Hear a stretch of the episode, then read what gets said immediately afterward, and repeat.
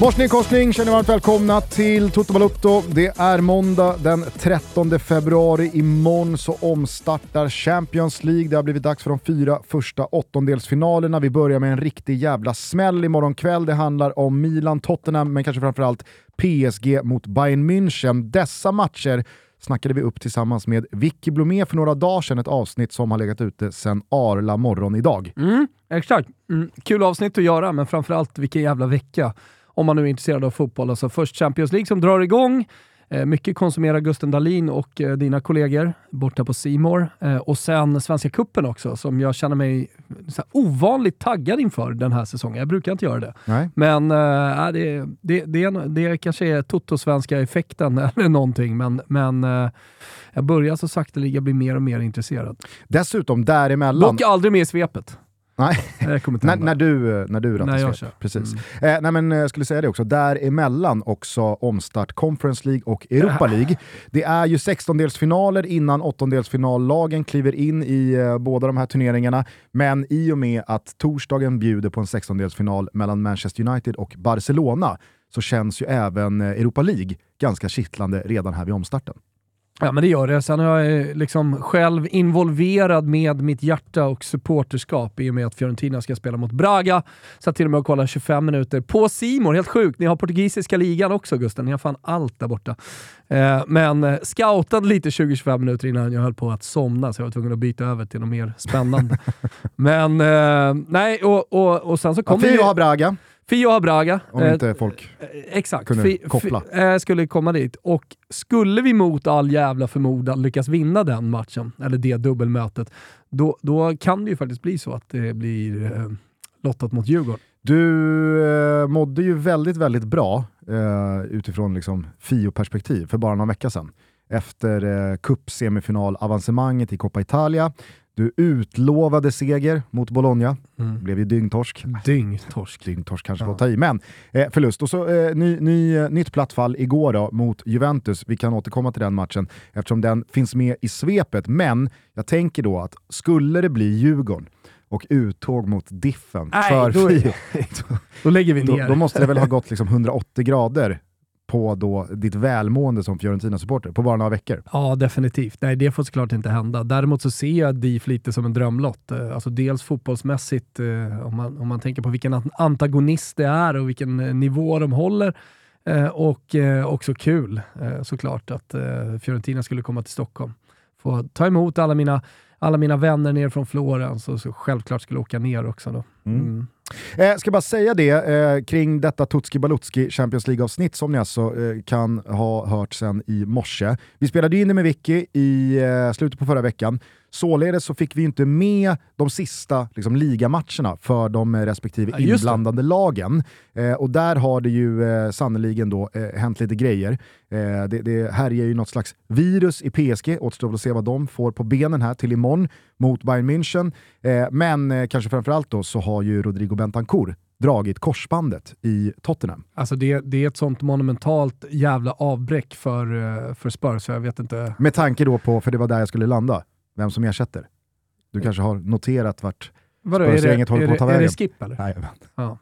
Nej, men, eh, nu ska han in! Jag, jag tror att alla Spurs-supportrar inte riktigt tänkte vilken bra fotbollsspelare eh, Bentancourt är. Vilken nyttig fotbollsspelare det, det, är att ha. Alltså inte bara som en så posi positionssäker eh, defensiv mittfältare, utan liksom i allt som har med, med spelet att göra. Jag varit lite förvånad faktiskt när Juventus släppte honom. Fortfarande ganska ung och sådär också. Tycker han har gjort det jättebra. Gjorde det bra också i comebacken så att säga efter VM.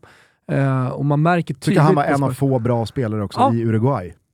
Faktiskt. Ja, jättebra. Uh, så, så det, det, är nog, mm, ja men, det värsta, värsta, värsta är väl Kane uh, de kan åka på, men, men annars, tillsammans med Kane kanske jag skulle säga, för hela Tottenhams spel, att, uh, att han går sönder det värsta man kan tänka sig. Jag tänker också att uh, Bentancourt är ju en spelare som också så här, förstärks som spelare sett till vad han har att konkurrera med på de där positionerna. Mm. Alltså, det, det, är inte, det finns inte jättemånga spelare att ta av med Bentancourts egenskaper. Alltså, mm. På det där centrala mittfältet med eh, Höjbjerg och det är Bissoma och nu då Oliver Skip och så kanske man kan använda Erik Dyer där. Liksom. Det, det, mm. Ni hör ju själva, det, det, är ett, det är ett jävla tapp på det då Hugo Lloris, lagkapten och eh, ordinarie målvakt, tycker. Att, jag tycker att under de här fönstren, även under januarifönstret, fanns det möjligheter för Spurs ändå att säkra upp om någonting skulle hända på mittfältet. Uh, hur mycket man än tror på Oliver Skip, men nu är det upp till bevis, tycker jag.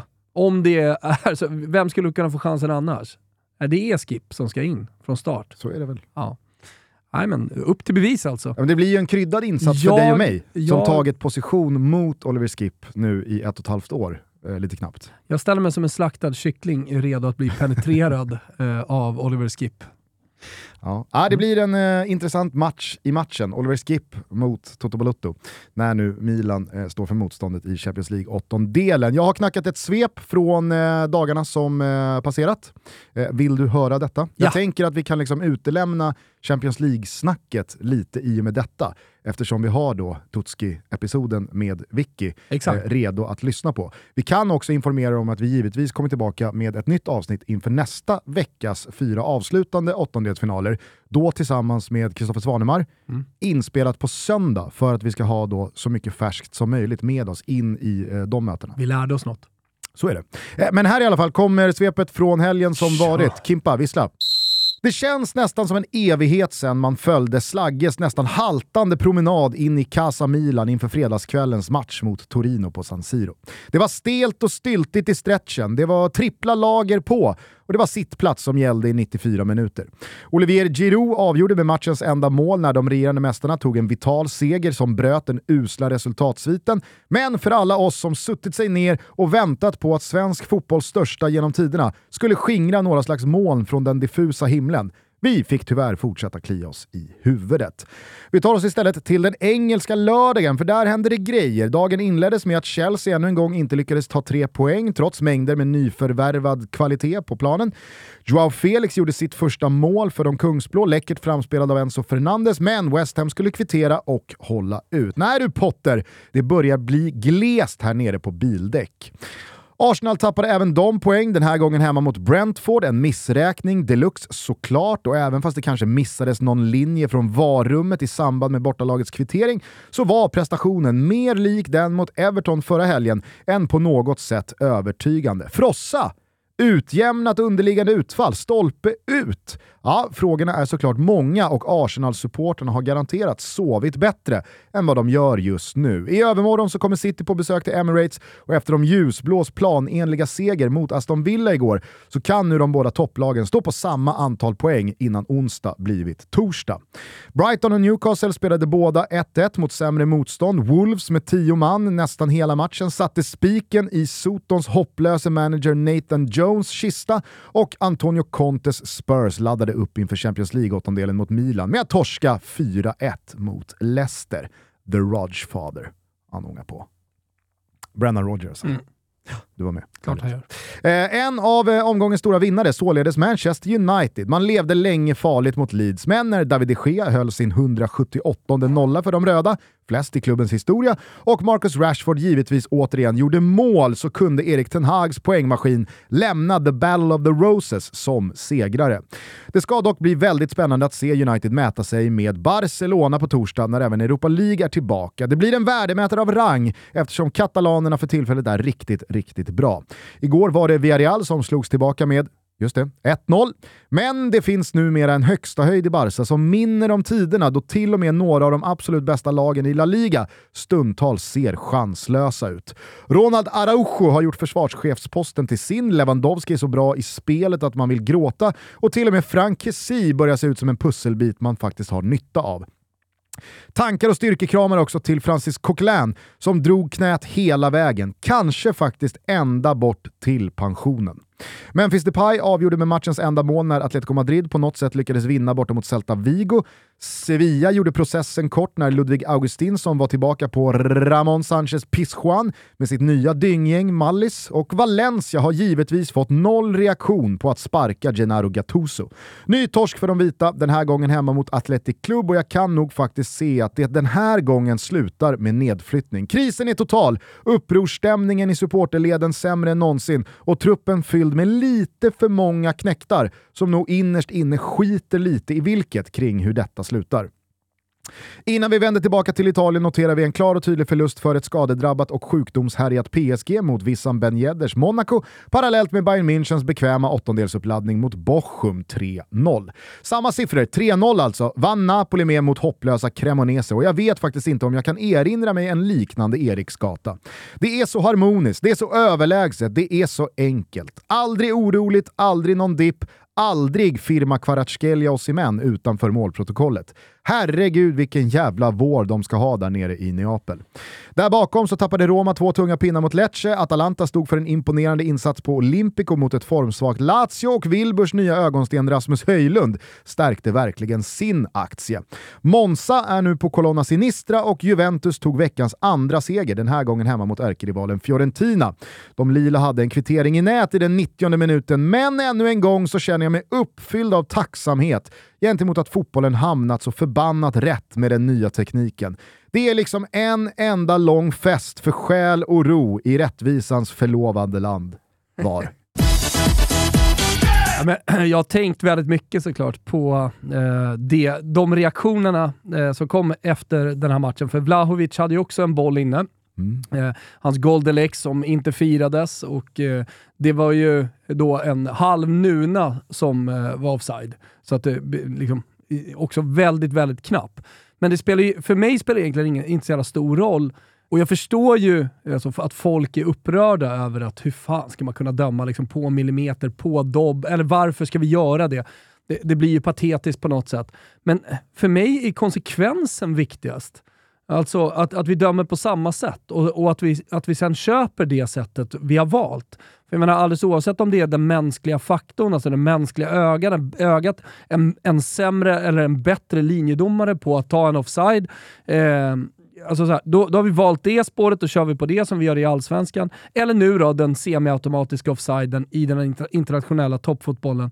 Nu är det det sättet och det, på, det, det kommer alltid vara precis på samma sätt som det döms då, då, tycker inte jag det spelar så jävla stor roll egentligen om det är en dobb, halvnuna eller en röv som, som råkar vara offside. För att vi gör det i alla fall på samma sätt för alla. Det är samma teknologi som används. Mm. Så jag förstår, på ett sätt förstår jag inte riktigt upprördheten. Även om det, eh, eh även om det kanske då liksom blir jag förstår, Il Calcio Moderno på något sätt eh, i en bild när en dobb är offside. Ja, alltså, jag, jag, vill bara understryka här att ett, jag var ju såklart superironisk här med ja, min hyllning av VAR. Du, det, du förstod det? Ja, jag, jag, jag tänkte bara att det kanske inte var alla som förstod det. Ah, okay. Två, för mig är det ju liksom pest eller kolera om eh, Juventus eller Fiorentina gynnas av ett domslut. Så att jag, jag har ju liksom... Men här har, gynnades ju ingen, nej, utan det är en väldigt bra match att prata om VAR-systemet i och med att båda fick två, eh, varsin tight offside borta borta. Ja, och jag valde att ta upp det aktualiserat också från vad som hände i England eh, under den här helgen. Eh, dels då med, eh, som jag nämnde, eh, Brentfords kvittering mot Arsenal. Där det alltså verkar vara så, alltså ganska tunga journalister från eh, England och eh, Premier League-bevakningen menar ju på att Lee Mason, huvudansvarig i varummet eh, på Emirates mellan Arsenal och Brentford, han glömde att dra en linje på en Brentford-spelare mm. i samband med den här kvitteringen. Mm. Jag, jag, jag missade den. Men, lite som Argentina-Saudi, när Lautaro Martinez gör ja, mål och de exakt, glömmer... Exakt. De drar linjen på fel, fel gubbe. gubbe exakt. exakt. Men här drog de, han glömde bara att dra linjen. Ah. Eh, men alltså, kanske framförallt då tidigare under lördagen... Vi går ju, alltså, vi går ju mot den helautomatiska offsiden, det ska ju alla känna till. Mm. Alltså, mm. så här, nu, nu är den semiautomatiska. Då, eftersom den då är just semiautomatisk så måste ju någon trycka på avtryckaren. Exakt. Så att jag menar, det finns ju fortfarande, eh, eh, finns ju fortfarande risk att den mänskliga faktorn ställer till det. Och, men, men det finns det om vi tar bort uh, hela systemet också och det är bara den mänskliga faktorn. Så det, det, och då kommer man ju tillbaka till inte någonstans hela liksom världen, kärnan, att man har ju lättare att acceptera och gå vidare från ja, men ett domarmisstag som Det hade sker... inte jag på den tiden. Alltså när, när, när Juventus var liksom en meter offside uh, mot Fiorentina och det målet Nej, jag, jag fattar. godkändes. Och då, och då eller, levde, och då eller! Eller fucking Klåse på... Nej men helt ärligt, Allianz Arena med semiautomatisk offside. Vi går till final. Ja. Vi kanske vinner den. Ja, men det, det är liksom där någonstans, vi, vi, måste, vi kan inte vara helt historielösa. Jag har varit med, jag har varit supporter, jag har haft mycket hjärta mellan 92, fram, från 1992, fram, när jag var 13 år, fram till idag har jag pratat om domslut med vänner och eh, liksom fellow supportrar jag har varit med! Det var lika mycket jidder då. Det är bara det att vi har vänt lite på det och tycker att det är lite äckligt med den semiautomatiska offsiden. Ja, men, nej, jag tror det är så här. samma känslor! Ja, men, nej, jag tror att det, alltså, det som skett är men ju Hur kan det vara då, olika känslor? Jag fram, inte det. Fram till att VAR-teknologin klev in i fotbollen så trodde ju nog många, tänker jag, och kände många att det här kan tekniken råda bot på. Vi kan få till en förändring. Varför ska inte rätt bli rätt om vi nu med teknikens hjälp kan få det så? Det var ju narrativet för tio år sedan och hela vägen fram till dess. Det är väl sen målsättningen så, också? Absolut, men sen så smög sig tekniken på. Fler och fler förstod att, ja men okej, vi kanske faktiskt måste landa i att,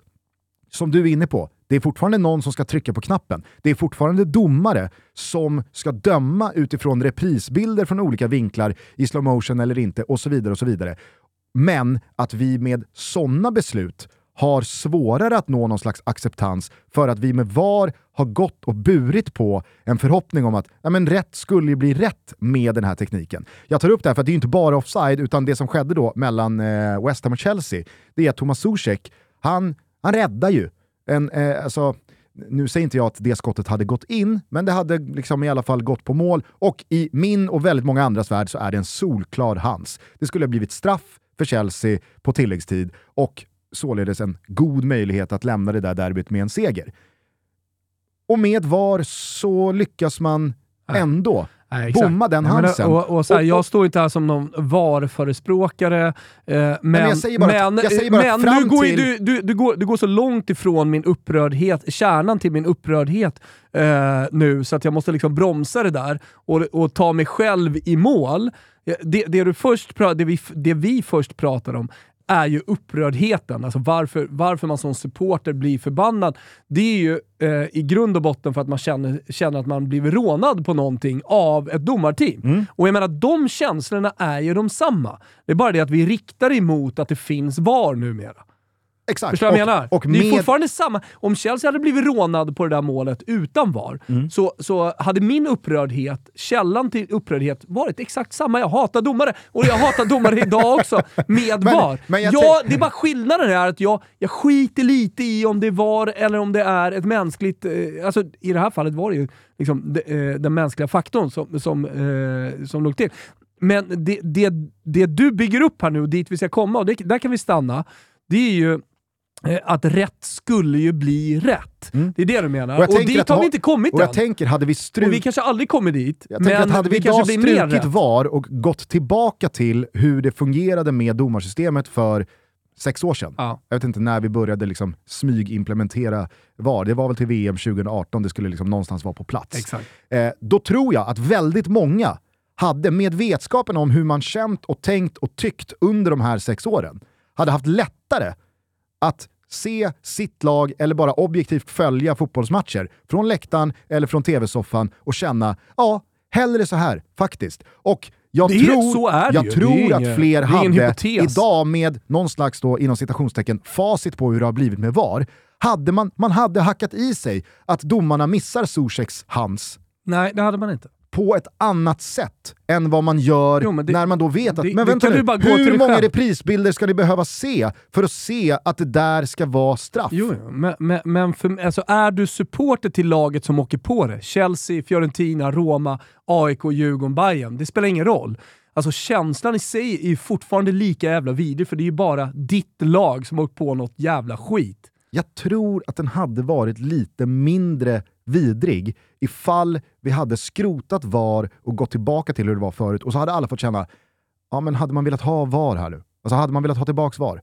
Alltså i, i, i matcher, i stora matcher, i finaler, i gå vidare till en, eh, alltså från en semifinal. Definitivt! Jag hade, jag hade gjort om, eh, jag hade skruvat tillbaka tiden och lanserat semiautomatisk VAR i Fiorentinas match mot Bayern München. Hundra gånger, det är inte bara den matchen, jag använder den så symboliskt här nu. Men, men jag, jag, tror att folk förstår. I grunden för mig så är det exakt samma jävla känslor. Känslan av att känna sig rånad av ett domarteam. Och jag hatar den. Eh, jag, jag, skulle bara Oavsett om det var eller inte. Mm. Jag skulle bara vilja, liksom, vi, vi, vi, vi, vi kanske inte landar någonstans, jag vet inte. Jag skulle bara vilja avsluta det här lilla snacket med då den eh, banderoll, eller de två banderollerna som eh, Celtic-supportrarna hissade ut igår, eller i helgen i alla fall, mot eh, St. Mirren. Har du sett dem? Nej. eh, jag trodde när du sa banderoll att du skulle gå till eh, Manchester City. Ja, jag tänkte att jag skulle, jag skulle från den här banderollen ah, gå till nästa okay. banderoll som då är från Etihad. Men det här var då en väldigt, väldigt rolig... Eh, jag, jag vet inte, jag tyckte, jag tyckte det, alltså så här, är det inte härligt ibland när det, när det liksom inte finns någon eh, det finns, ingen, det, det, finns liksom ingen inlindad fyndighet. Jo. Det finns ingen... När det är rakt och tydligt. Exakt, det är raka Julietta rör. är en hora. Ja, ja. ja men, eh, kontexten är då, ja. eh, jag trodde att det fanns... Fuck Bremen, där har du igen. Där har alltså, du. Tydligt raka budskap. rör. John, John Holmström, du vet Bajen jompa som har suttit i 08 Fotboll alla år. Han twittrade en gång eh, efter att Elfsborg tror jag hade slagit eh, Bayern.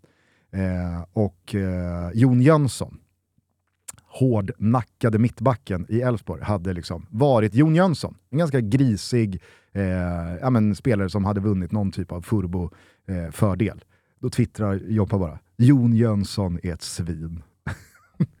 Raka rör-tweets. Ja.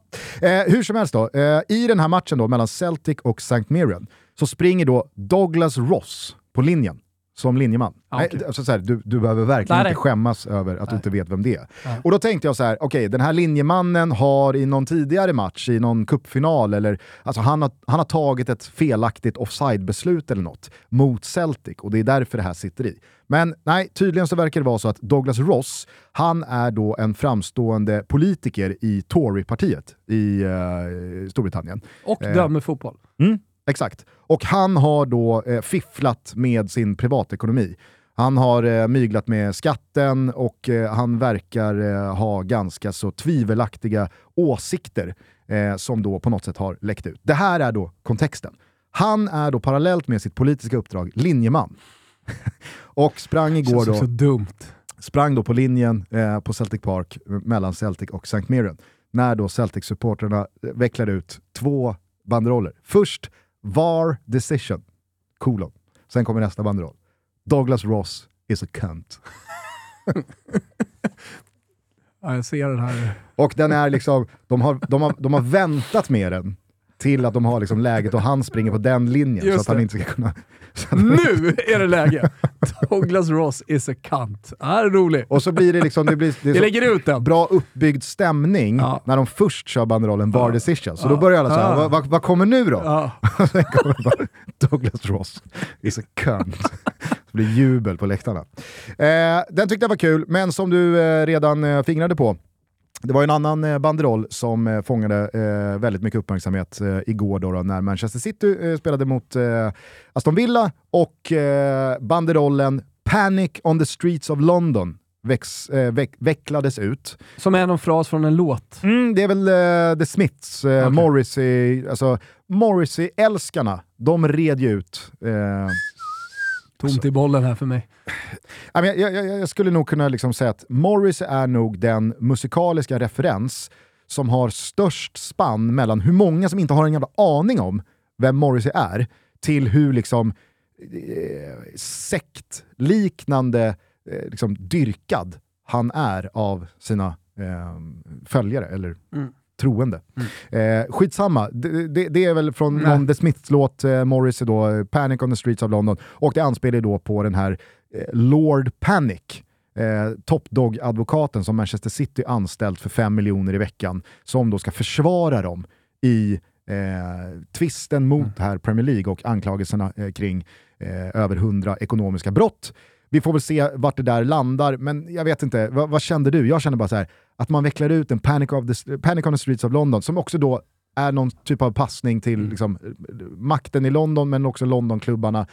Nej, men fra, framförallt, framförallt så är det ju... Liksom, Hyllade som ett nyförvärv i ja, klubben. Nej, nej, men framförallt är det väl alla spelare som aldrig har hyllats med banderoller. Eller då ställningstagande från supportrar som aldrig har blivit något ställningstagande med banderoller tidigare i historien, vilket eh, jag såg att någon gjorde det på Twitter, tog Kevin De Bruyne som exempel. Eh, han har aldrig fått en banderoll. Det är ingen som drar upp en Kevin De Bruyne tvåpinnare varje match som man känner igen, trots att han har varit då, eh, så länge i klubben och vunnit så mycket för dem. Eh, men eh, en konsult som kommer in för att rädda dem ur en eh, situation som jag misstänker de inte kan bli räddade ur. Alltså, där, där de faktiskt har fuskat. Mm. Det räckte gott för att man skulle liksom bre, breda ut en väldigt stor banderoll ja, med ett och, budskap. Och på det då så rapporterar ju Pavlidis här i sitt headline-svep att jag, jag ska de körde det. ramsan “We're Man City, we'll cheat when we want”. Det är också så här. Det är väl det Va? det har blivit. Alltså, ja. Vi satt ju här med Petter Landén för någon vecka sedan och han, han skulle liksom inte ha någonting emot att åka ner till... Uh, we cheat when we want. We cheat when we want. We're Man City.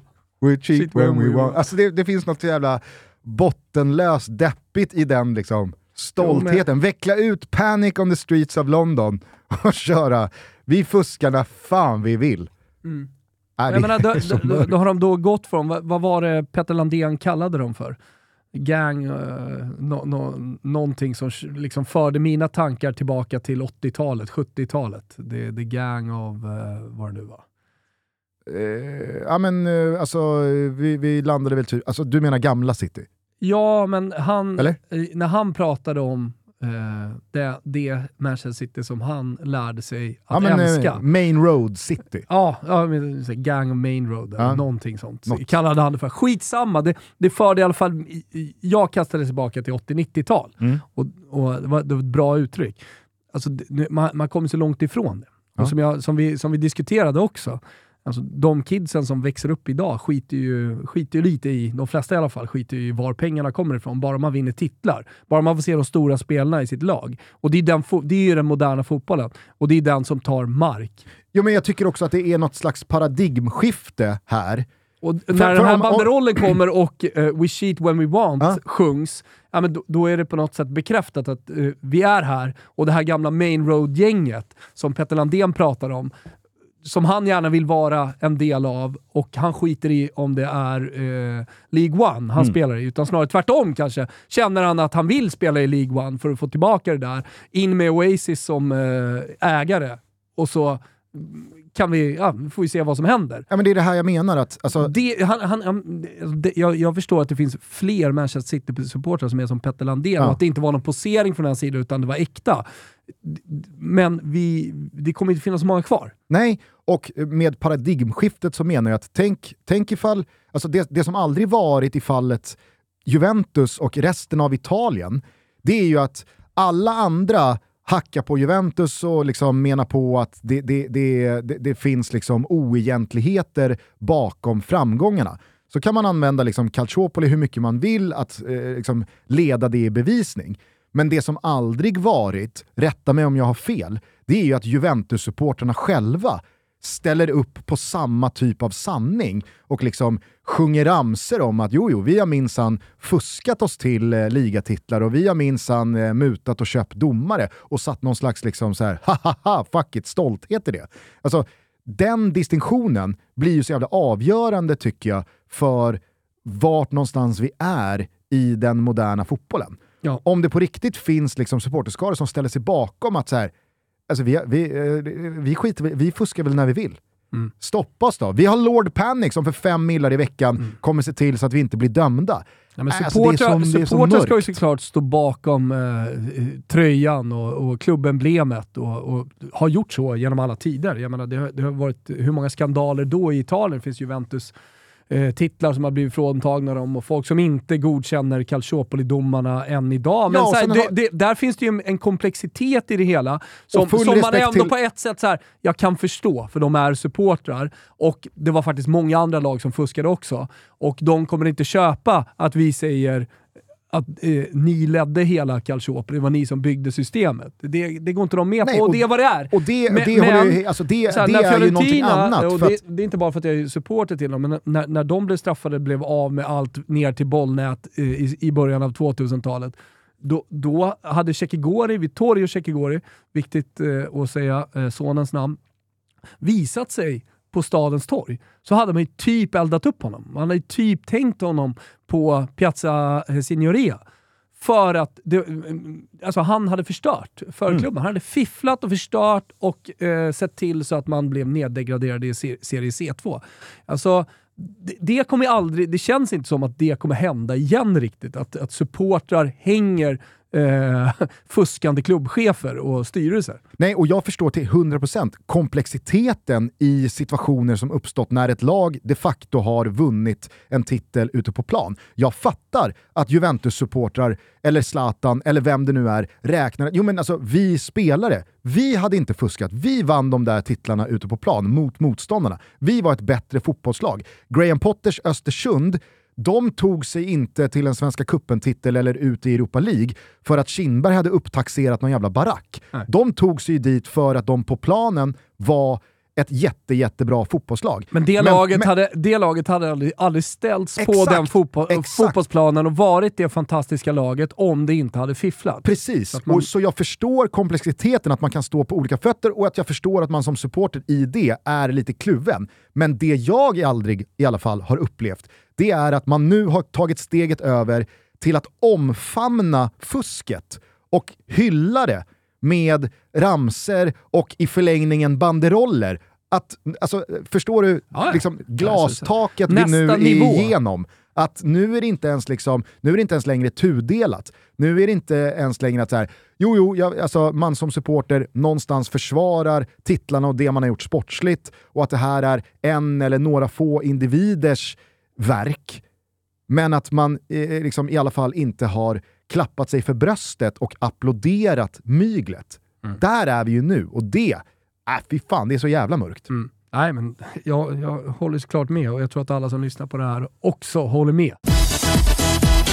Toto Balotto är sponsrade av Telia och vi vill passa på att berätta att när slutspelet nu drar igång av Champions League och Premier League är tillbaka hos Telia igen, ja, då kan man verkligen samla alla sporter, matcher och ligor på ett ställe. På ett ställe tänker ni? Jo då. Telia Play heter det stället. I appen kan du nämligen streama alla matcher som jag nämnde ovan live eller i efterhand. Och förutom alla sportsändningar och all fotboll som du kan se på Telia Play så kan du såklart se alla filmer och serier också som finns hos Viaplay, Simor och eh, Telia. Man kan lägga till HBO Max och eh, jag eh, vet att det är många som lyssnar på det här som gärna följer serierna som finns på HBO Max. Eh, så det här är verkligen ett totalupplägg. Är nu detta allt i det här totalpaketet? Nej, man får numera också alla allsvenska matcher från Discovery+. Ja, men ni har ju. Och ni tänker att detta kostar skjortan. Det är över tusen spänn. Nej då. 749 kronor i månaden. Man sparar alltså över 500 spänn per månad jämfört med att köpa alla de här tjänsterna separat. Så det är bara att köra. Telia, stort tack för att ni samlar allt på ett ställe och kommer med det här kanonpriset. Eh, ciao! Vi är så oerhört glada över att vara sponsrade av Burger King. I synnerhet nu när de har tagit fram två stycken så otroliga smakkombinationer i laguppställningen. Nämligen nya Chili Mayo Bacon King och Chili Mayo Chicken Royal. Snacka om att inleda börjaråret 2023 urstarkt. De här två håll käften-burgarna finns dock bara på menyn under en begränsad tid, så missa inte det här. Precis som Burger Kings paroll alltid gjort gällande, nämligen “Have it your way”, så väljer du själv om du vill gå på kött eller kycklingspåret. Men jag känner att det är chilimajon som blir lite grejen här. Va? Jag tänker på giftermålet mellan en grillad hamburgare och en perfekt avvägd chilimajo. Äh, men det är klart att det vattnas i munnen när jag pratar om det. Nej, jag gör nog fan så att jag dammar iväg till Burger King direkt efter avsnittet och så sätter jag tänderna i minst en av Chili Mayo Bacon King och Chili Mayo Chicken Royal. Och ni kan faktiskt inte göra någonting åt det. Eller ja, ni kan ju också gå och göra det. Så det är väl bra tanke. Vi säger stort tack till Burger King för att ni är med och förgyller Toto Balutto. Om vi ska fokusera lite på det fotbollsmässiga då, yes. eh, från eh, det som eh, togs upp här i eh, svepet. Eh, har du blivit något klokare kring eh, Zlatan-situationen? Nej, verkligen inte. Rapporteringen från italiensk media efteråt? Jag är inte redo än. Okej, Mm. och alltså, känns, Det känns det mer i din mage som att det, det finns en logik i det här? Alltså, Ja, alltså det började ju bubbla upp logiken där och du tog ju upp det i logik, fredags att kanske ska han lägga av här. lo- Ja, nej, exakt. Eh, Det, var eh, italienska Twitterkonton och supportrar som hade uppmärksammat att eh, kurvan hade liksom kraftsamlat och att eh, man likt väldigt sällan sådär uppmanar folk att komma för ikväll blir det körning.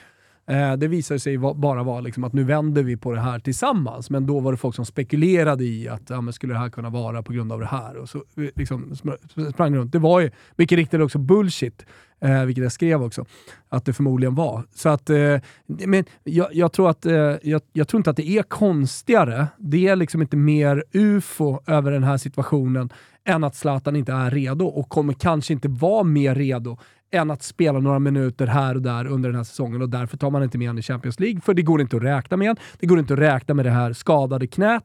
Eh, och eh, att det här på något sätt då blir slutsäsongen. Sen exakt vad som blir sista matchen och hur många minuter fotbollen kommer spela från nu och in till maj.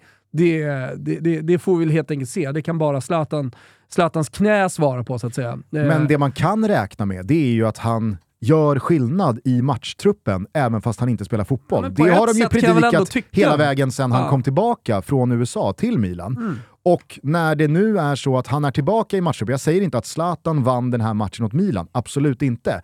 Men efter en dryg månad utan en seger och en kräftgång resultatmässigt så fanns han med i matchtruppen, Milan vann igen och man pratar återigen om att han gör sån jävla stor skillnad i omklädningsrummet, från bänken, men sånt bara där är så hans jävla blotta svårt närvaro. att värdera när man inte har varit där själv och kan vittna om precis vad det är han gör. Det enda man, det enda man har eh, liksom tillskansat sig är ju just vittnesuppgifterna Mm. då, från spelare och från ledare. Pioli, Leao, Olivier Giroud, alltså alla har ju varit ute och liksom hyllat hans eh, närvaro bara för truppen och hur, och hur stor betydelse han har, vilka krav, vilken kravställning Zlatan har på träning.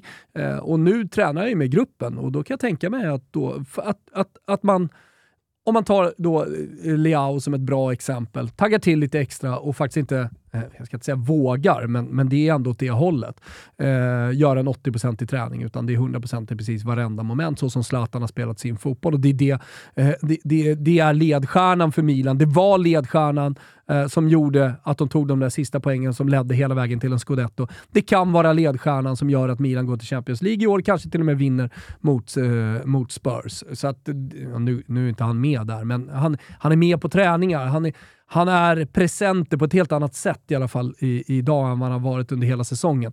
Eh, så, så men hur kommer slutet att bli? För jag har jävligt svårt att se att han skriver ytterligare ett år. Det skulle ju vara någon, någon slags här, avslutning på säsongen där han gör 70 minuter varenda match och känner sig stekhet i, i maj och inte kan sluta. Ja, men då fortsätter han väl. Men det är väldigt långt dit idag. Ja, absolut. Men jag tycker fortfarande att det är väldigt märkligt när han då snackas upp som en sån stor skillnad i Milan, även fast han inte spelar, bara han är med i matchtruppen. Men så väljer man jag inte- att jag jag diskvalificera det honom från att vara med i matchtruppen i Champions League. Nej, jag att det är det- tre veckor till returen mot Tottenham och givet skadorna och bortfallen som finns i Spurs så ger jag Milan absolut helt okej möjligheter att faktiskt avancera. Då är vi inne i slutet på april till de, alltså, returen av kvartsfinalerna. Att Zlatan på två månader skulle kunna gå från att Nej, men- men, bara Men vara Zlatan liksom... har suttit på en cykel, ha- han har varit på gymmet. Eh, Jag tror att den stora skillnaden nu är att han är närvarande och faktiskt med på, på träningarna. Mm. Eh, snarare än att han är med i matchtruppen. Utan jag tror att det är helheten eh, med Zlatan, så att säga, tillbaka som gör den stora skillnaden. Ja, sett till de få De uppvärmningsbilder resa- man fick Ja. så kändes det som det är långt. Ja, Det är långt till ett inhopp här. tyckte även när han gick ur bilen, Ja, jag- när han jag- kom jag ju det till... Ja, exakt. Alltså, det- det, det var nästan starkast. Sen så är det eh, så jävla Zlatan att, ja men så här, Helena skjutsar du mig till eh, San Siro? Det såg ut som att han hade övningskört med Helena. Givetvis då sätter han sig inte på passagerarsidan utan han kör bilen dit och sen så byter, och kör hon bilen hem. Men eh, jag tyckte bara det var väldigt mycket Zlatan. Jag var Mm. tvungen att säga det. Men eh, det, det, det, det ska göras en resa, inte om han ska med till London och så vidare. Men eh, inför förberedelser, sista träningen, eh, och liksom rifinituran, allt det där. Det, där är ju Zlatan med alldeles oavsett. Och jag tror att det, det är helheten som gör den stora skillnaden, inte om han är med symboliskt i matchtruppen eller sitter på bänken. För att någonstans kommer han ju sitta nära laget. Vi eh, kan väl eh, utgå från att eh, Stefano Pioli får frågor kring detta under eh, eftermiddagens, kvällens presskonferens då, inför eh, Tottenham-matchen imorgon. Någonting vi såklart följer upp i Champions League-studion som alltså är tillbaka imorgon 20.00 slår vi upp portarna. Eh, då är det ju också givetvis väldigt mycket fokus på PSG Bayern där PSG ser ut att vackla ganska rejält mm. i sin uppladdning här inför eh, åttondelen mot, eh, mot, mot Bayern. Ja? Jag tror att detta är en vecka, om man inte har skaffat ett simor abonnemang än, eh, så, så, kanske ja, men starkast någonsin så, så, så är pushen där att skaffa ett simor abonnemang med tanke på att Svenska Kuppen, med tanke på att den svenska fotbollen kommer tillbaka och den gör det på Simor, men också då med Champions Leagues åttondelsfinaler. Exakt. Eh, så att, eh, och med det där eh, simor abonnemanget så får man ju sen allsvenskan från Discovery Plus ja. genom sitt simor abonnemang Exakt. Så att, eh, ja, det, det, det, drar igång Folk nu. fattar liksom att eh, vill, vill man hänga med i bollen, oavsett om det är den internationella eller den svenska, Skaffa ett sånt, ni kommer inte ångra er. Tillbaka till eh, fotbollen som eh, spelats då. Vilka matcher gjorde starkast avtryck på dig från eh, lördag-söndag? Du, du, tog ju upp Manchester Uniteds eh, seger. Alltså, när man har kommit till den punkten att man spelar ganska dåligt, men man vinner ändå, eh, då, då tycker jag man har kommit ganska långt som tränare. Och Ten Hag har inte, det känns som att Ten Hag, Ten Hag har varit där ganska länge, men, men det är hans första säsong i Premier League. Mm. Alltså minst Klopp, eh, ja, men, här, stora tränare som, som gör sina första... Det är inte bara spelare eh, som behöver oftast en uppstartsträcka, utan även tränare behöver ju det och liksom ska sätta det nya spelsystemet. Men jag tycker det har sett bra ut för Ten Hag eh, un, under en tid. Nu såg det lite sämre ut, men man lyckas, man, man lyckas vinna ändå och det tycker jag är en styrka. Ja, men framförallt så ställer han ju ut en startelva som många ifrågasätter. Oj, oj, oj, mm. Harry Maguire, varför ska han in? Varför Harry spelade Maguire. Lisandro Martinez och Rafael Varan mot eh, Nottingham ifall de behövde vila? Lisandro Martinez får inte spela mot United på torsdag. Varför sitter han på bänken från start? Alltså, så här, han lyckas ändå. Eh, Wout mm. Weghorst har absolut inte övertygat hittills. Varför alltså, det, det var många frågetecken. Wouten, han stärkte sina aktier. In, in, För mig gjorde han det. ja. Ah, han har men... boll inne som blir bortom för offside, han gör mycket bra grejer, felvänd. Uh, räkna inte bort Wouten, han kommer bli nyttig för Manchester United. Ja, men jag håller helt med dig att eh, Nästa Hag, gång så är det där... Men, han täppte till gång... ännu fler trutar med den här segern via den startelvan med bytena han gör, Garnacho kommer... Alltså... Nästa gång är det 0-0 och uh, Wouten kommer in och sätter 1-0 och det är spiken i kistan. Där sätter liksom, United andra, tredjeplatsen matematiskt och de går till Champions League. Så han kommer bli nyttig säger jag bara. Mm. Ja, alltså jag, jag, jag tittar inte ens neråt i tabellen vad gäller Manchester Uniteds Nej. Champions League-jakt. Eh, du kollar på tit titlar? Ja, men jag skulle snarare säga, med tanke då på att Arsenal tappade poäng igen, nu möts de här i övermorgon och ska ta poäng av varandra, att Manchester United, de känner nog eh, att vi inte är bortkopplade helt och hållet än. Nej. Jag tror nog ah, att mm. för, Manchester Uniteds, eh, för, för Manchester Uniteds möjlighet att sent om sidor blanda sig in i titelstriden, då behöver nog inte ett uttåg mot Barca här i Europa League vara fel. Eh, för eh, att man liksom parallellt med allt detta ska ha en ligacupfinal eh, om två veckor, att man ska eh, liksom ånga på i FA-cupen. Jag tror att det är en uppgift för mycket, ja. för det räcker med, alltså kolla bara igår, det räcker med att mittbacksparet och Casemiro saknas, så sitter man helt plötsligt och kliar sig i huvudet och känner det här laget, är det så jävla bra? Och de är ju faktiskt det sämre laget på banan mm. mot ett lag som Leeds i 70-75 minuter. Sen tycker inte jag att man vinner orättvist eller oförtjänt. Alltså, man, man, man, man håller en nolla och man är effektiva framåt. Man har en spelare i superslag ja. i form av Marcus Rashford. Det, det räcker. Jag tycker faktiskt Jonas Olsson sa det jävligt bra igår i studion, att Manchester United har ju de senaste åren, kanske egentligen sen Sir Alex försvann, de har ju liksom omgett sig med andra typer av kritiska ögon. Man tittar på Manchester United med andra ögon mm. än väldigt många andra lag. Man bedömer dem utifrån olika måttstockar, andra måttstockar. Man, är, alltså, här, man kan inte när det kommer till Manchester United applådera en svag insats som ger tre poäng, utan då ska man liksom fokusera på eh, det som har varit dåligt, eller det som går att ifrågasätta, att det här är inte bra nog. Mm. Men då Med... vänder vi Toto Balutto på det ja. och, och, och säger tvärtom. Inte kanske... för att vara motvalls, utan för att jag verkligen starkt Exakt. tycker att detta var, var ytterligare eh, det här var Uniteds en, en absolut bästa som, som United klarade av, liksom, ja. och tog, som tog dem vidare mot nästa bana. Det här var Uniteds bästa seger hittills mm. den här säsongen. Så kan eh, alla säga vad de vill, men det var det. Mm. Och nu så ska de... 2-0, även om det såg dåligt ut. Nu ska alltså, de ut mot Barca. Bästa som kan ske. Ja. Det är i alla fall vad jag Intressant tror. med, med Barcelona förresten. Så jag, jag, jag hörde hur du pratade om Lewandowski och jag har också sett de tendenserna, att man har pratat om honom som, som så här, men han är bra i spelet i Barca. Du mm. behöver inte alltid räkna med att han gör mål. Och så var jag tvungen att kika in på hans statistik. Vad har han gjort? 7-8 baljer i, i La Liga i år och Nej, ligger liksom fel, någonstans. Alltså han har ändå gjort 15 plus 5.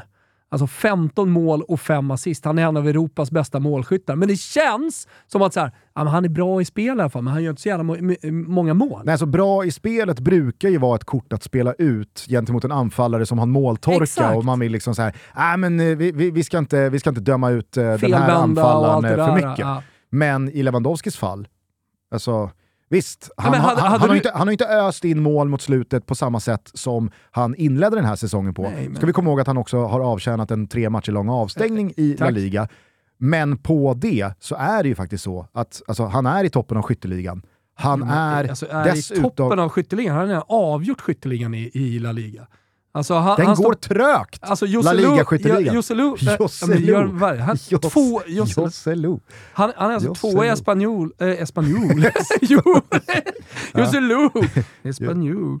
Eh, tvåa på, på 11. Mm. Eh, Okej okay då, Lewandowski har gjort 14, inte, eh, 14 plus 5. Men eh, sen är det ju Jago Aspas i Celta Vigo på 9. Eh, ja, men Benzema kommer inte nå, nå fram. Ja, men det, mm.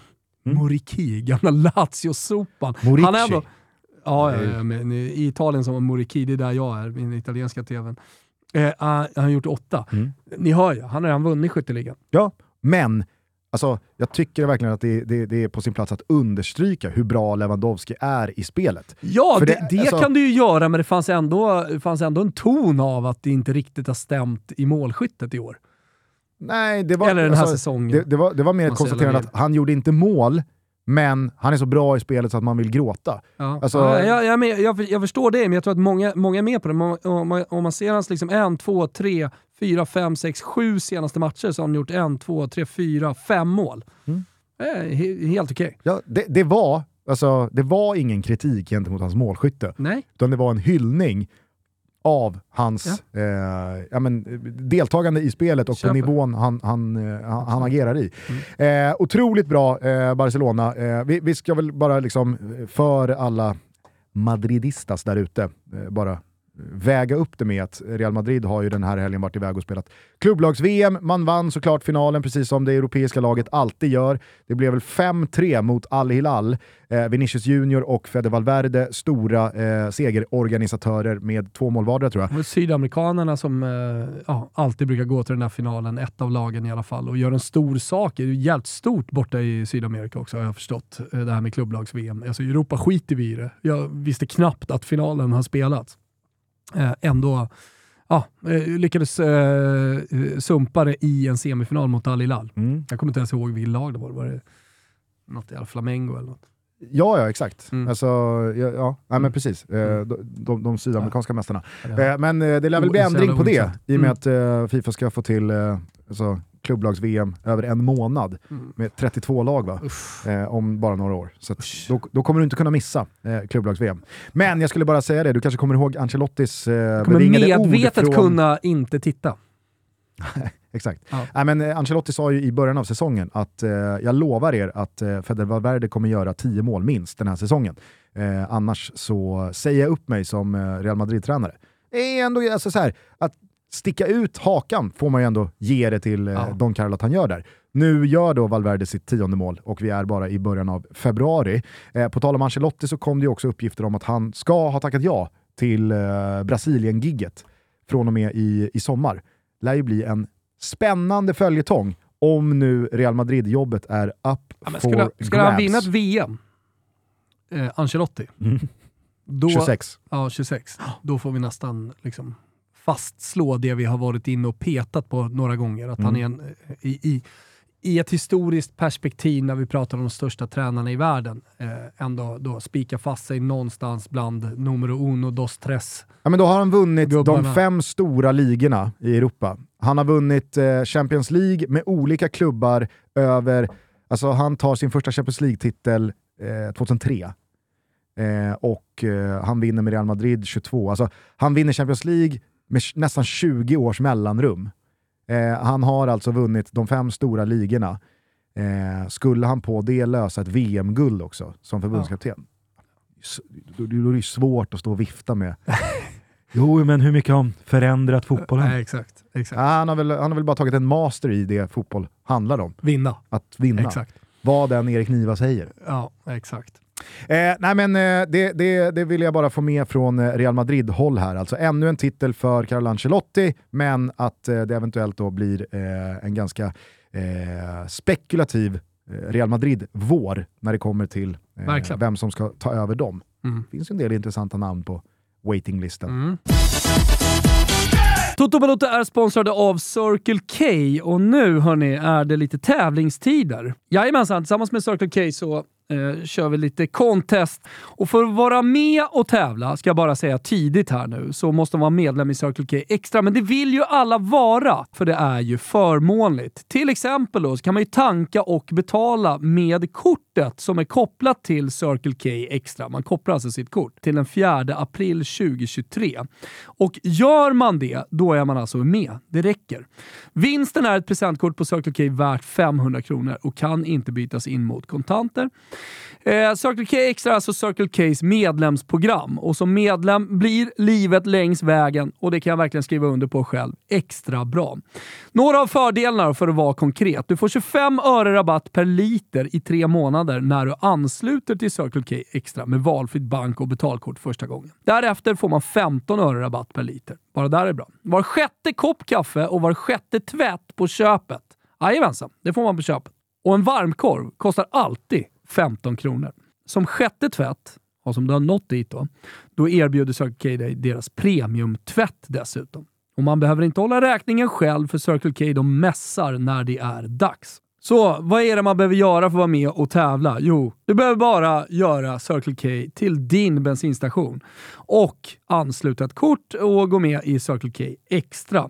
Vinsten är ett presentkort på Circle K värde 500 kronor. Och detta sker alltså varje vecka under den här perioden. Är inte det otroligt? Så att eh, det är bara att gå med i Circle K Extra. Vi säger stort tack för att ni är med och möjliggör Toto Balotto. Eh, Rasmus Höjlund, det var väl eh, många som fick upp ögonen för honom eh, för första gången kanske här i, eh, i lördags. Mm. Ja, men jag, jag följde övergången när han kom, för jag tyckte han hade en intressant bakgrund. Gått som ungdomsspelare då eh, till Sturm Graz, men blev seniorspelare där direkt och gjorde mål i den österrikiska ligan. Nu är ju den öster österrikiska ligan det den är, men han gick inte till Liefering Salzburg, utan han gick till Sturm Graz. Så ganska bortglömd då för de stora jättarna ute i Europa eh, var han. Och det blev liksom en flytt, och, eh, en, en trampolinflytt får vi kalla den för nu, till Atalanta. Men Tyckte det var när, kul när Sevuc Falai i Fotbollslördag Europa sa att Atalanta tar honom för bara... Hela, han, inte Sia nu, utan han är Sevuc Falai.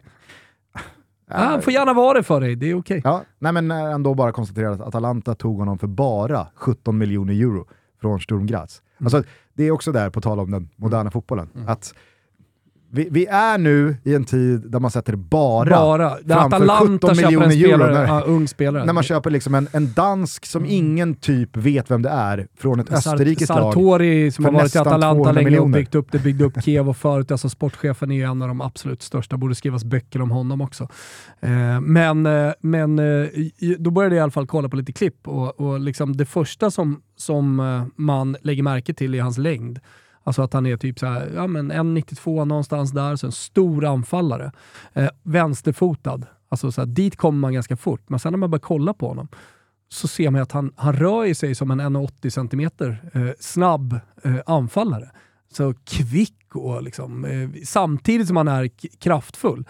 Om man skulle jämföra en annan stor, snabb, kraftfull eh, anfallare, eh, Haaland, så, så, så, skiljer, de, eh, skiljer de sig åt att han ser inte lika stor ut på planen. Utan han har inte liksom den auran att vara helt ostoppbar när han kommer som ett ånglok. Eh, han är otroligt mobil och ja, men Mobil och, och, smidig och rörlig och, och, har lärt sig så otroligt mycket på den här tiden i Atalanta. För det har, inte, det har liksom inte varit start från början, utan då var det ju Muriel och, och Dovan Zapata de här. Och liksom hela tiden bara lärt sig av Gasperini och sen så slagits in i den här eh, elvan och eh, de senaste två månaderna så har han ju fått total utväxling och också lärt sig att bli furbo. Jag vet inte om du har tänkt på det när han spelar felvänd, att han, han lägger sig ner som Luca Toni och Men han har mycket kvar att lära där. ja, men det är klart han har. Alltså, det ska han ju ha också. Ja. 03 ändå fyller 20 år och eh, spelar på den positionen som kräver mycket erfarenhet. Alltså det där lär du dig när du är 27-28 normalt sett. Mm. Så jag menar att han redan har kommit långt. Han eh, gör ju en otroligt bra match mot Lazio. Han eh, slår spiken i kistan med 2-0 målet, men det är ju hans aktion i samband med omställningen från en Lazio-hörna i början av den andra halvleken som verkligen sticker ut för mig. Har ni inte sett det så, så måste ni se den 80 meters rush han tar, eh, där han Ja, men där han alltså bara sticker från eget straffområde, sätter högsta fart, tar emot en boll. Då har han, skulle jag säga, åtta meter fram till Hysaj. Där han bara liksom petar bollen i djupet med rätt längd så att eh, Provedel inte kan komma ut och bara liksom avstyra allting. Men han käkar de där 80 metrarna på Hysaj på en sekund. Luis Alberto flyger bara, han försvinner bara som en vante. Alltså det var som ett jävla godståg. Ett danskt godståg. Ja. Så jävla synd att de har missar avslutet sen. Vilket faktiskt är ganska dåligt. Alltså, det, det, är inte så att... dåligt? Jo, det är faktiskt ganska dåligt. Ja, okay. Det är faktiskt ganska ja, dåligt. Ja. Men den ruschen, alltså precis på samma sätt som att jag omvärderade Viktor Gyökeres. Absolut inte från någon slags här medioker Championship-gubbe. Vet du hur han hade kunnat bli odödlig? Ribba in i det där läget, ja. sträckt vrist. Ja, bara liksom Alltså då, då, då, då hade han, nu har jag ju liksom hypat honom sedan eh, augusti-september, men då, då hade jag bara lagt mig platt. nu när dessutom Haaland eh, ska gå sönder och få ont i låren precis som under Dortmund-tiden och kanske bara har två, tre år kvar på sin fotbollskarriär, ja då kanske City och de här lagen ska börja kika på Höjlund. Ja. Ja, men jag är helt övertygad om att alla de stora klubbarna i sommar kommer, och jag, kommer försöka knyta till sig honom. Och jag tror inte att Kasper Jonman mår sådär jättedåligt när han ser Rasmus Höjlunds utveckling från då i höstas eh, till nu när EM-kvalet ska liksom dra igång. För vad, vad, var det Danmark saknade under VM? Exakt. Det var ju en spjutspets som... Nej, det var inte Jordman. Han var inte på plats. Eller du kanske pratar om Lecces Mårten Jordman. Ja, som, som, han är fan inte dålig Persson alltså. också får minuter efter minuter. Där, där ja, lite koll. Annan typ av inhopp. Jo. Det är inte riktigt samma... Nej, det var verkligen inte riktigt typ av Impact, samma så att säga. inhopp. Eh, men eh, nej, eh, Rasmus Höjlund eh, som eh, Han gör ju sen ett mål i som är, Danmark när EM-kvalet drar igång. Det, det, alltså nu pratar vi om den aktionen, men han gör ju sen ett mål som jag tycker också i det lilla är imponerande. Jag vet att ni liksom klippte ut och gjorde en grej av det i studion, men jag kan liksom förmedla det till de som missade. Eh, han håller sig, han, han liksom störtar mot första eh, stolpen, mm. liksom, störtar mot mål, bollen på vänster sida, inspelet kommer och han, han håller sig precis, stannar till liksom en mikrosekund så att han inte blir offside. Och, och sen så kan han bara, liksom bara kasta sig eh, på bollen så att säga, så att den går in. Ja, det är också där, en timing exakt. som är otrolig. Timing, men framförallt kanske en speluppfattning. Mm. Som vi inte rabblade upp då som en av alla hans det stora starka egenskaper. Det har han också. Ja, han har fan allt. Mm. Han har hela paketet. Ja. Rasmus Höjlund. Eh, onsdag, Arsenal-Manchester City. Innan vi stänger ner butiken så tänker jag bara, eh, mm. jag vill fråga dig om du är på samma skeptiska spår här som jag när det kommer till Gunners. Jag ställde ju några frågor i svepet. Är det en oh. frossa? Är det stolpe ut? Nej, de eller måste är det också, liksom... nej, men jag, jag, jag, kan väl säga att det, det, är ingen frossa, men det är kanske en lite sämre period. Alltså, så man kommer inte komma tillbaka och vara precis lika bra som man har varit under hela den här säsongen, men att man just nu kanske har då en liten svacka. Och eh, den kommer tyvärr då när den här matchen eh, ska, ska spelas mot City. Men det återstår att se om det, det, det var liksom en, en, en svacka som varade någon match hit och dit. Eh, jag ser ju inte samma mönster som du ser med Spurs, någonting som har pågått under lång tid som måste börja betala sig. Man pratar om Milan och deras XG förra säsongen och hur kan de liksom med det spelet och så liksom, låg siffra på XG ändå vinna matcher. Eller att Juventus att nollor i en evighet till slut skulle börja liksom... Exakt, exakt. Börja, börja trilla in mål där. Alltså med statistikens logik på något sätt kan man se något. Det tycker jag inte. Nej. Det har jag inte sett med Arsenal, därför skulle det här kunna vara en dålig match. Eh, och eh, jag, jag håller fortfarande som mina Premier League-vinnare. Ja, fast alltså, jag, jag, jag, jag vill bara understryka det du är inne på. Jag har inte heller sett det här komma. Jag tycker att den här dippen är jävligt ologisk. För man gör kanske en av sina Hur många matcher är det skulle du säga? Eh, den här dippen Nej, men Det är det här som är så konstigt, man gör en av sina absolut bästa matcher för säsongen, där man liksom spelar på toppen av sin förmåga mot Manchester United i slutet av januari. Sen så är det då en fa Cup-match borta mot Manchester City, man roterar mer i laget än vad Pep gör i sitt City, man förlorar med 1-0, jag tycker man, liksom, man har ingenting att be om ursäkt för där, och vad gäller samma logik som den kring Manchester United, så tycker jag också att det där fa Cup-uttåget, sett till deras chanser att vinna Premier League-titeln, bara nog var bra.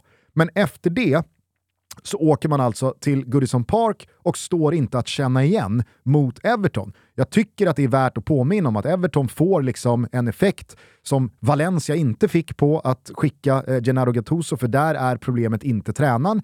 I det här fallet, ja men att bli av med Frank Lampard, in med Sean Dyche som får några dagar på sig att bara då liksom, nu ska vi försvara det här jävla V runt boxen som man alltid pratar om. Back to basic, fasta situationer, vi springer tills vi stupar. Det här kommer bli jävligt tufft att förlora en sån match, det är väl en sak, men Arsenal där och då, alltså det, det var ju en insats som inte på något sätt påminde om den liksom, systematik som präglat Arsenals väldigt, väldigt framgångsrika säsong hittills. Mm. Således så trodde jag att okej, okay, nu ska de studsa tillbaka mm. mot Brentford och visa här att det där var en engångsföreteelse.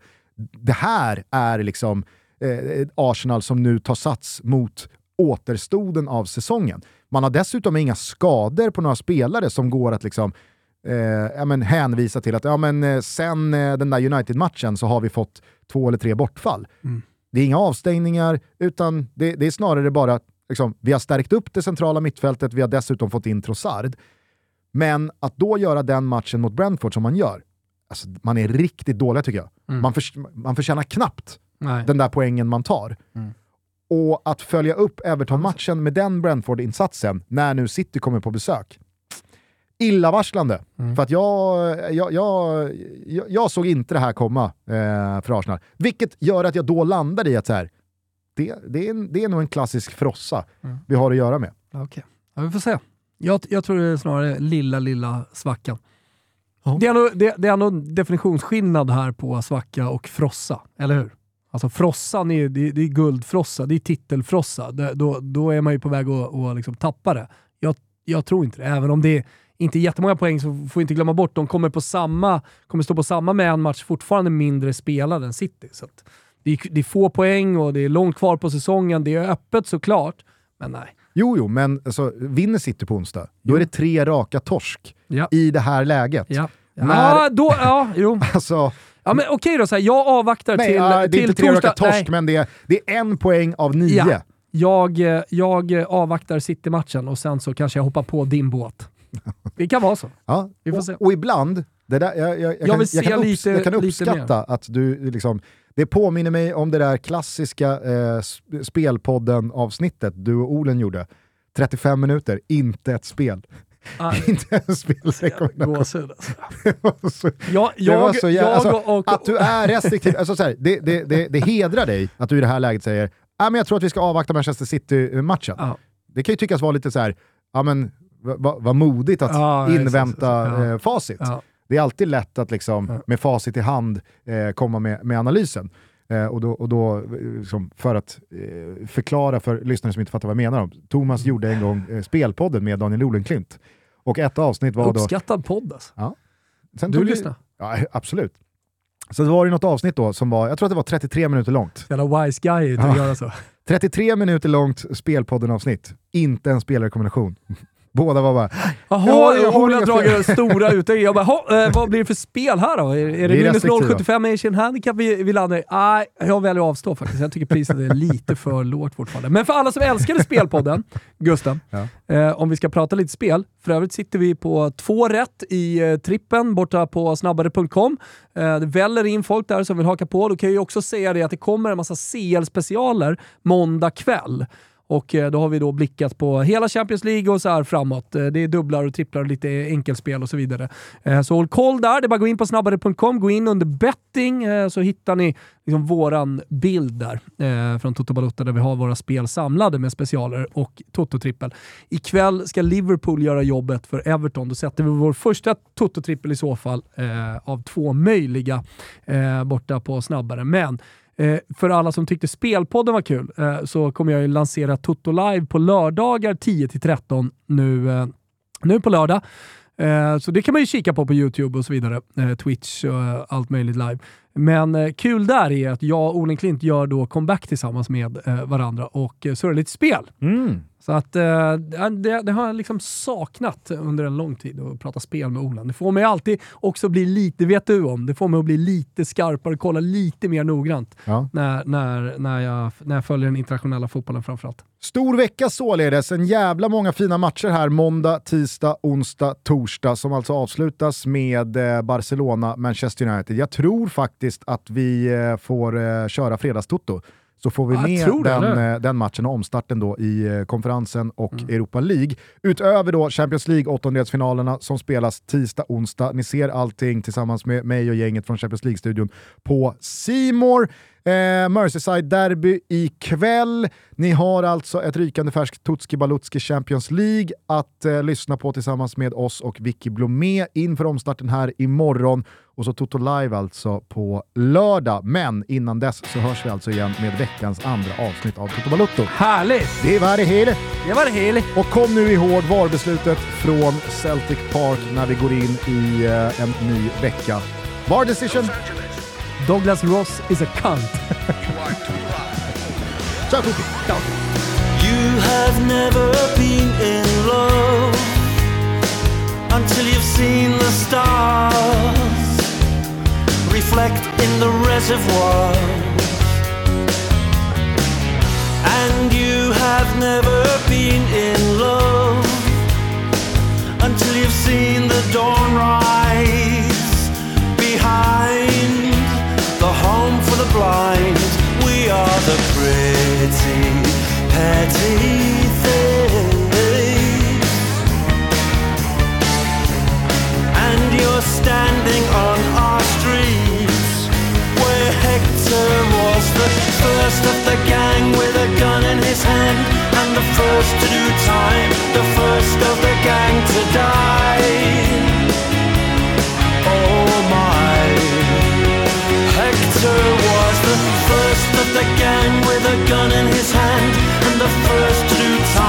The first of the gang to die.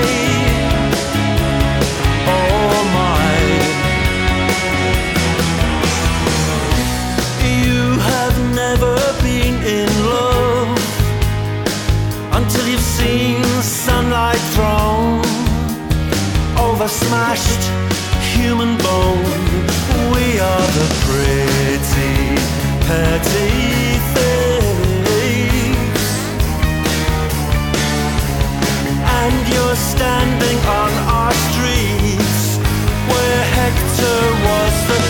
first of the gang with a gun in his hand, and the first to do time, the first of the gang to die. Such a silly boy. Hector was the first of the gang with a gun in his hand and a bullet in his